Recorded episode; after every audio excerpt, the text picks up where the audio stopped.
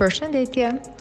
Ky podcast vjen te ju në kuadër të dialogjeve për barazinë gjinore të prezencës së OSBE-së në Shqipëri. Qëllimi i podcasteve është të sjellë temën e barazisë gjinore edhe në fokus të mediave sociale. jeni me mua Alba Brojkën, edhe pse nuk jam mësuar t'i referohem vetes në vetë të tretë.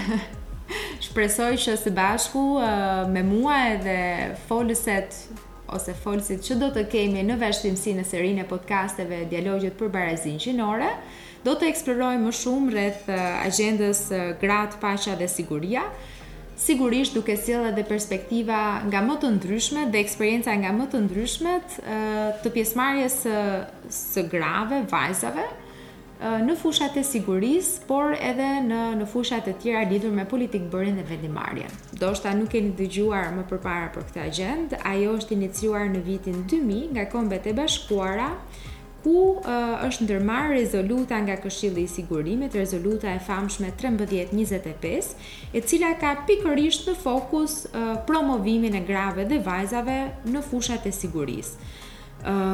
Kjo agjendë, pra gratë, paqja dhe siguria, synon që të promovojë pjesëmarrjen e grave dhe vajzave në të gjitha nivelet e vendimmarrjes, synon që t'i mbrojë ato nga diskriminimi apo dhuna e ndryshme sidomos seksuale e sidomos në situatat humanitare synon gjithashtu që të parandalojë situata ku gratë ndihen të diskriminuara apo ku ushtrohet dhunë ndaj tyre Dhe së fundmi, synon po ashtu të promovojë fazën e ripërtëritjes apo të të stabilitetit në situatat post-konflikt. Pra, siç edhe mund ta kuptoni, gratë paqja dhe siguria, rezoluta 1325, synon që të adresojë në fushat e sigurisë dhe paqes promovimin e grave dhe vajzave dhe të perspektivës së tyre. Do ta nisim serinë e parë të podcasteve me dy folëse shumë interesante të cilat do të na sjellin perspektivat e tyre mjaft të ndryshme dhe eksperiencat sigurisht. Kemi së pari zonjën Eralda Metasani, mirë se vini. Zonja Metasani është lektore në Universitetin e Tiranës pranë Fakultetit të Juridikut, por mbi të gjitha ajo ka qenë edhe pjesëmarrëse në draftimin e planit të parë kombëtar në Shqipëri që synonte të transpozonte këtë agjendë globale në kontekstin shqiptar edhe të ndërmerrte hapa konkret Se si mund të arrihet më shumë pjesëmarrja e grave dhe vajzave në fushën e sigurisë në kuadër të kësaj agjende.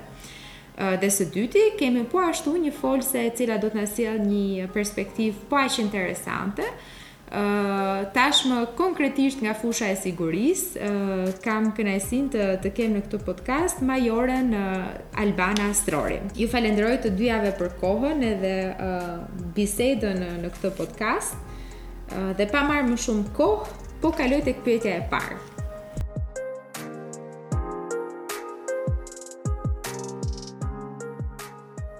Përshëndetje zonja Metasani, duke marrë parasysh kontributin tuaj lidhur me uh, avancimin e agjendës për uh, gratë, uh, paqen dhe sigurinë, uh, ne Do donim që të dëgjonim pak më shumë rreth perspektivës suaj, duke nisur ndoshta edhe me këndvështrimin tuaj rreth rëndësisë së përfshirjes së grave në çështjet e paqes dhe sigurisë. Së pari Alba, shumë faleminderit për ftesën. Padyshim që si çdo sektor dhe si çdo fushë veprimtarie në jetë edhe ajo e paqes dhe sigurisë, në qoftë se nuk ka angazhimin, pjesëmarrjen apo edhe ndërgjegjësimin në këndvështrimin gjinor, ka mangësi të mëdha.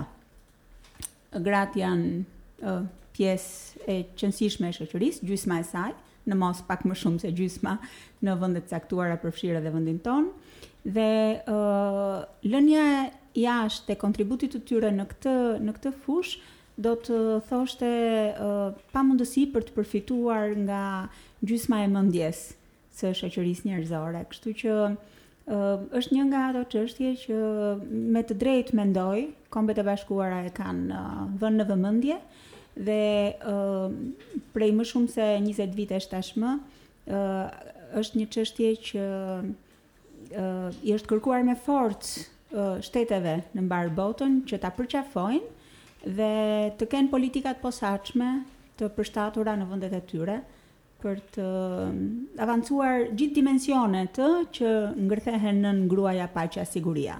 Se nuk është vetëm çështje e pjesëmarrjes, po janë disa dimensione. Ë tani unë jam me së fundmi majoren e Forcave të Armatosura zonjën Albana Strori, ë një kënaqësi edhe ë një kuriozitet i i nisur pa pa e nisur bisedën në podcast, ë uh, gjej edhe rastin ta uh, ta uroj uh, Albanën nëse mundem po. për titullin më të fundit edhe shumë suksese në në shkallët e, e karrierës edhe në sjelljen e një modeli kaq të bukur për të gjitha vajzat dhe gratë në Shqipëri Mendoj jo vetëm unë, po edhe dëgjuesit do ta kuptojnë rrugës që rrugëtimi yt është mjaft interesant, atipik ndoshta në karrierën ushtarake. A mund të na thuash nga perspektiva personale si ka qenë ky rrugëtim, cilat kanë qenë gjërat që i ke vlerësuar përgjatë rrugëtimit, ndoshta ndonjëherë edhe sfidat apo pengesat? Po sigurisht edhe anën pozitive dhe arritjet e rrugëtimit. Atëherë Alba, si fillim të falenderoj për ftesën, është kënaqësi.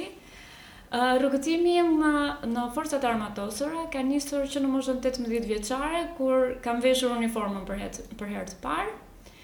Gjatë kësaj kohe kam pasur detyra nga më të ndryshmet. Aktualisht punoj si specialiste për planizimin strategjik dhe modernizimin në drejtorinë e JPS-së në shtabin e përgjithshëm. Do veçoja dy misionet në cilat unë kam marrë pjesë në KFOR, Kosovë, dhe në misionin paqeruajtës të NATO-s në Afganistan, në Mazar-e Sharif. Ka qenë rrugëtim i gjatë, sfidues, shumë i bukur dhe gjithmonë më bëhet pyetja nëse do kisha mundësi të kthehesha mbrapa, do zgjidhja të njëjtën gjë dhe pa diskutim do zgjidhja sërish të, të isha në uniformë, sepse ka ato sfidat e veta, por ka edhe të bukurën. Merr një kënaqësi të papërshkrueshme, sidomos kur ke mundësi që të japësh sado pak atë kontributin tënd Të vogël ndoshta dhe modest, për paqen në botë dhe në vend. Uh, unë nuk do ta bëja fare pyetjen nëse do kishe zgjedhur të njëjtin rrugëtim. Unë si Alba, uh, po besoj edhe për shumë vajza e gra të tjera, je një burim frymëzimi pikërisht për rrugëtimin tënd dhe profilin që ti ke zgjedhur. Uh, kështu që uh, Gëzohem që edhe ti e, e, e ndjen si si një rrugëtim unik edhe të pazëvendësueshëm. Meqenëse preke pak pjesën e kontributit tënd personal në në dy misione shumë të rëndësishme, ndoshta njërin e kemi edhe pak më të prekshëm, atë të Kosovës. Uh, a mund të na thuash pak më shumë për uh, rolin e grave në Shqipëri ose edhe në rastin tënd konkret në kontributin uh, rreth në kontributin për për paqen edhe edhe sigurinë. Atëherë do të thoja që pjesëmarrja e femrave, e grave, e vajzave në çështjet e sigurisë ka rezultuar shumë frytdhënëse. Ë sepse është Janë bërë edhe studime të herëpashershme dhe kanë arritur në konkluzionin që në momentin kur një femër përfshihet në çështjet e negociatave, këtu bëhet fjalë për zonat në konflikt, ka rezultuar që këto negociata kanë qenë shumë herë më të suksesshme sesa në momentin kur kanë qenë të përfshirë vetëm meshkujt.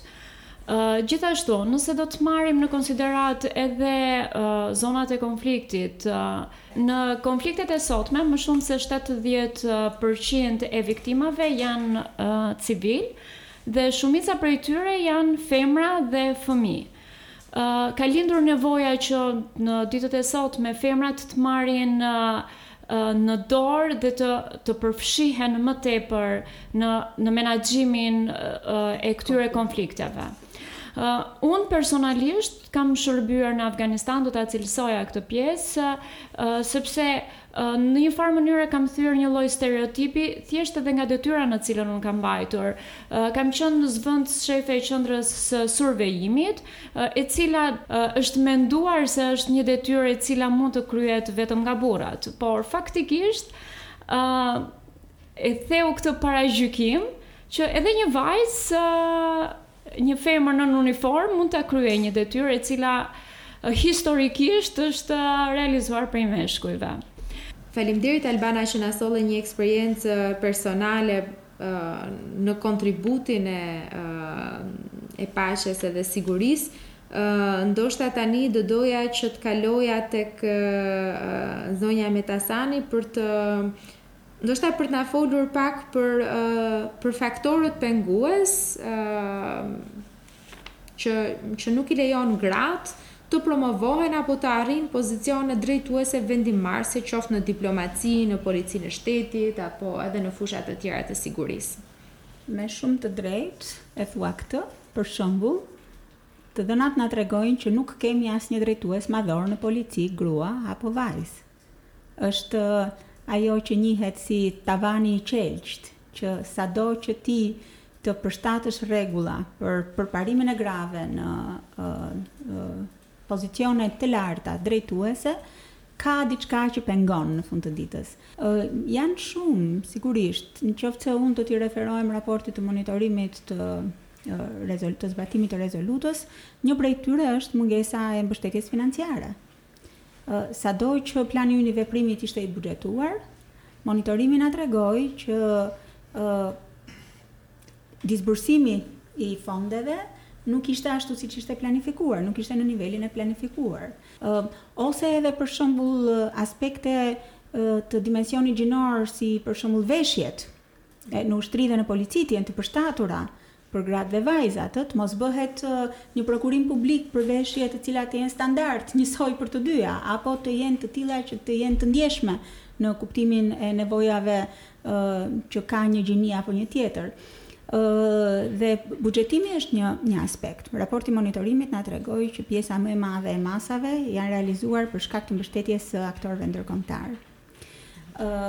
Por në fund të ditës angazhimet politike të vendit janë të vendit dhe do duhet të mbështeten financiarisht edhe nga vendi. Shoqëria në përgjithësi ka nevojë që të të ndërgjegjësohet, që të kalojë atë stereotipin që ushtria dhe policia janë vende pune burrash dhe djemsh dhe jo grash dhe vajzash. Hapi i parë, ndërtojmë një diskurs publik rreth kësaj teme. Hapi i dytë, pastaj fillojmë edhe e detajojmë diskursin publik. Mua në fakt më lindi një pyetje natyrshëm gjatë përgjigjes suaj lidhur me diskriminimin indirekt që u bëhet vajzave dhe grave, lidhur me mundësitë që ato kanë eventualisht për të qenë pjesëmarrëse aktive në fusha të ndryshme qoftë të punësimit, të edukimit, të mundësive që ato kanë për të përparuar për të përparuar në karrierë.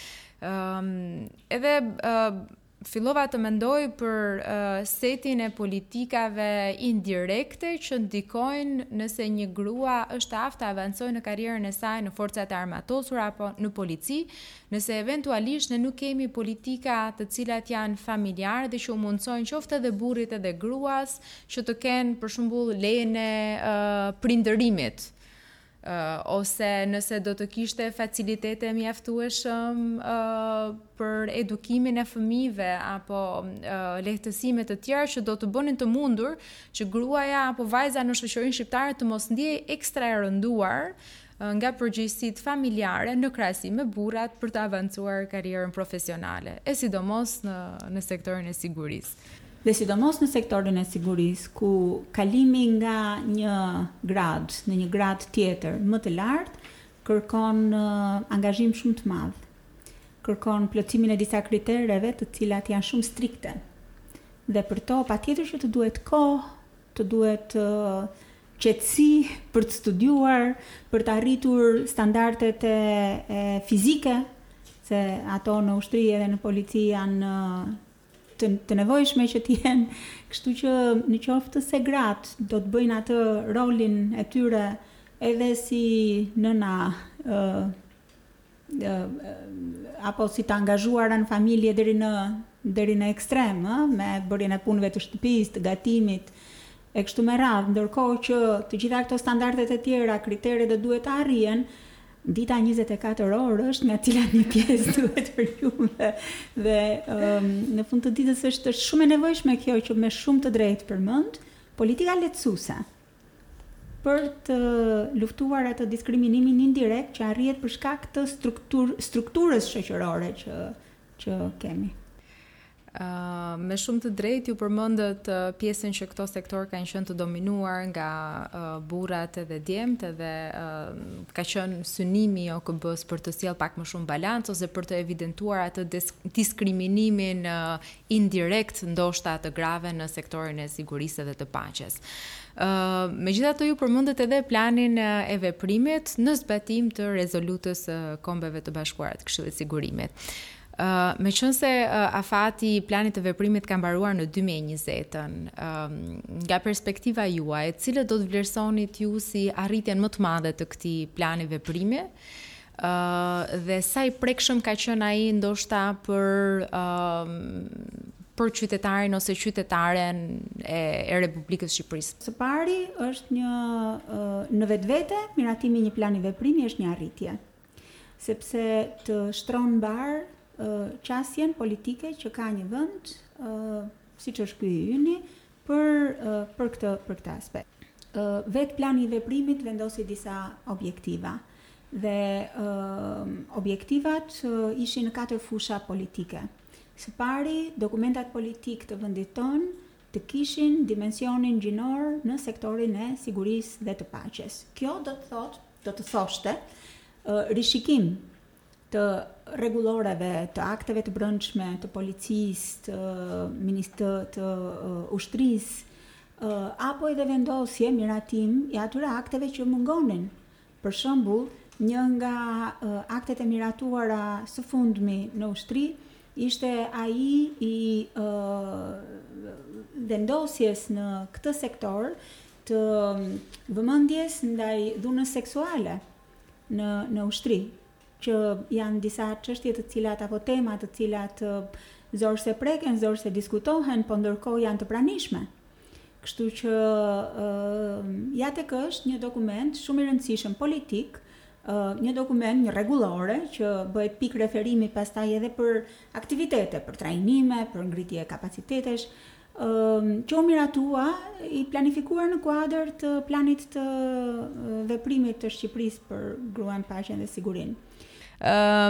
Zonja Metasani përmendi inicimin, nuk e di ende në në ç'fazë është dokumenti, por është një dokument që unë mendoj është me, me mjaft rëndësi, i cili adreson dhunën me bazë dhunën seksuale në ushtri. Sigurisht që problematikat në fushën e sigurisë janë nga më të ndryshmet, mirëpo ky dokument mendoj që u shërben më shumë vajzave dhe dhe grave, sidomos në fushën e sigurisë për t'u ndjerë më të sigurta, edhe për të për të luftuar stereotipet, paragjykimet, diskriminimin, po edhe për të luftuar për të patur mekanizma për të luftuar kur të drejtat e tyre shkelen, siç është rasti i dhunimeve uh, seksuale. Uh, cila është perspektiva juaj? Sa të rëndësishme janë këto dokumente për t'u patur në fusha të sigurisë dhe në uh, në në aspekte të caktuara si për shembull në ushtri apo në forcat e armatosura. Çfarë rëndësie kanë këto dokumenta? Uh, ka të bëjë me faktin që duke qenë se jemi në minorancë, gjithmonë je i vëzhguar, uh, i, i mbi vëzhguar do të thoja unë. Je nën lupë ndoshta? Si? Nën lupë. Po, fiks nën lupë. Nën lupë dhe veprimet e tua me dashje ose pa dashje gjykohen në të gjitha llojet e mënyrave. Ë pasja e një dokumenti të tillë mm. është i rëndësishëm sepse të paktën nëse më përpara ne nuk kishim një instrument ku të ankoheshim për ngacmime të ndryshme që ndodhin jo vetëm në forcat e armatosura, po ndodhin kudo në në shumë ambiente, edukimi, puna, në, në jetën civile, kudo, domethënë, është e prekshme, nuk është se ne jemi imun ndaj kësaj gjëje.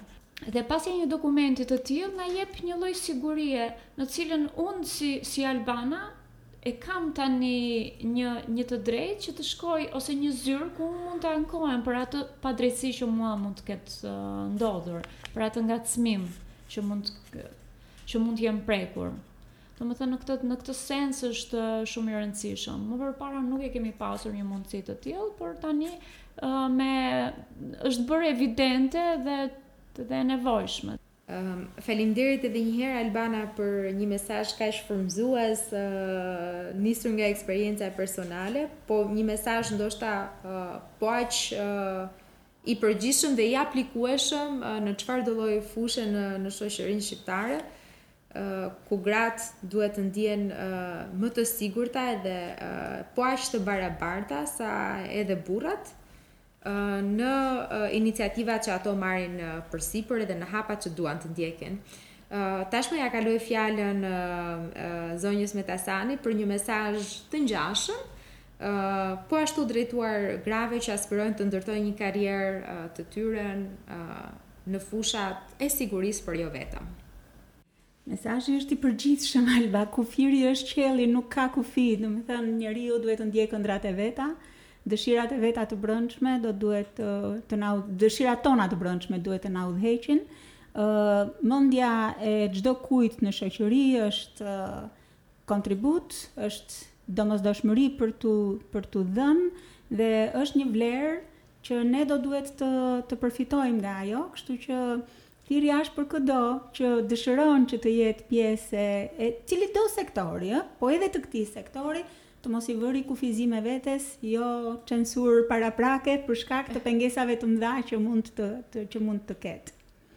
Po sigurisht mesazhi pastaj është politik më së shumti, domethënë politikat në këtë vend do duhet që të jenë mundësuese për për gra dhe vajza që dëshirojnë që të angazhohen dhe të përfshihen në në në sektor të tillë. Edhe pse biseda është shumë interesante, i erdhi fundi uh, serisë së parë të podcasteve Dialogjet për Barazinë Gjinore. Uh, shpresoj që edhe ju ta keni shijuar uh, po kaq shumë këtë bisedë interesante dhe perspektivat që Albana dhe Ralda na sollën në këtë podcast. Ne premtojmë që do vijmë po me kaq biseda interesante në serinë e dytë të podcastit, kështu që presim reagimet tuaja në në website apo edhe në rrjetet sociale lidhur me këtë podcast. Edhe shpresojmë që tashmë të jeni ndjekësit tanë besnikë për serinë e dytë. Faleminderit.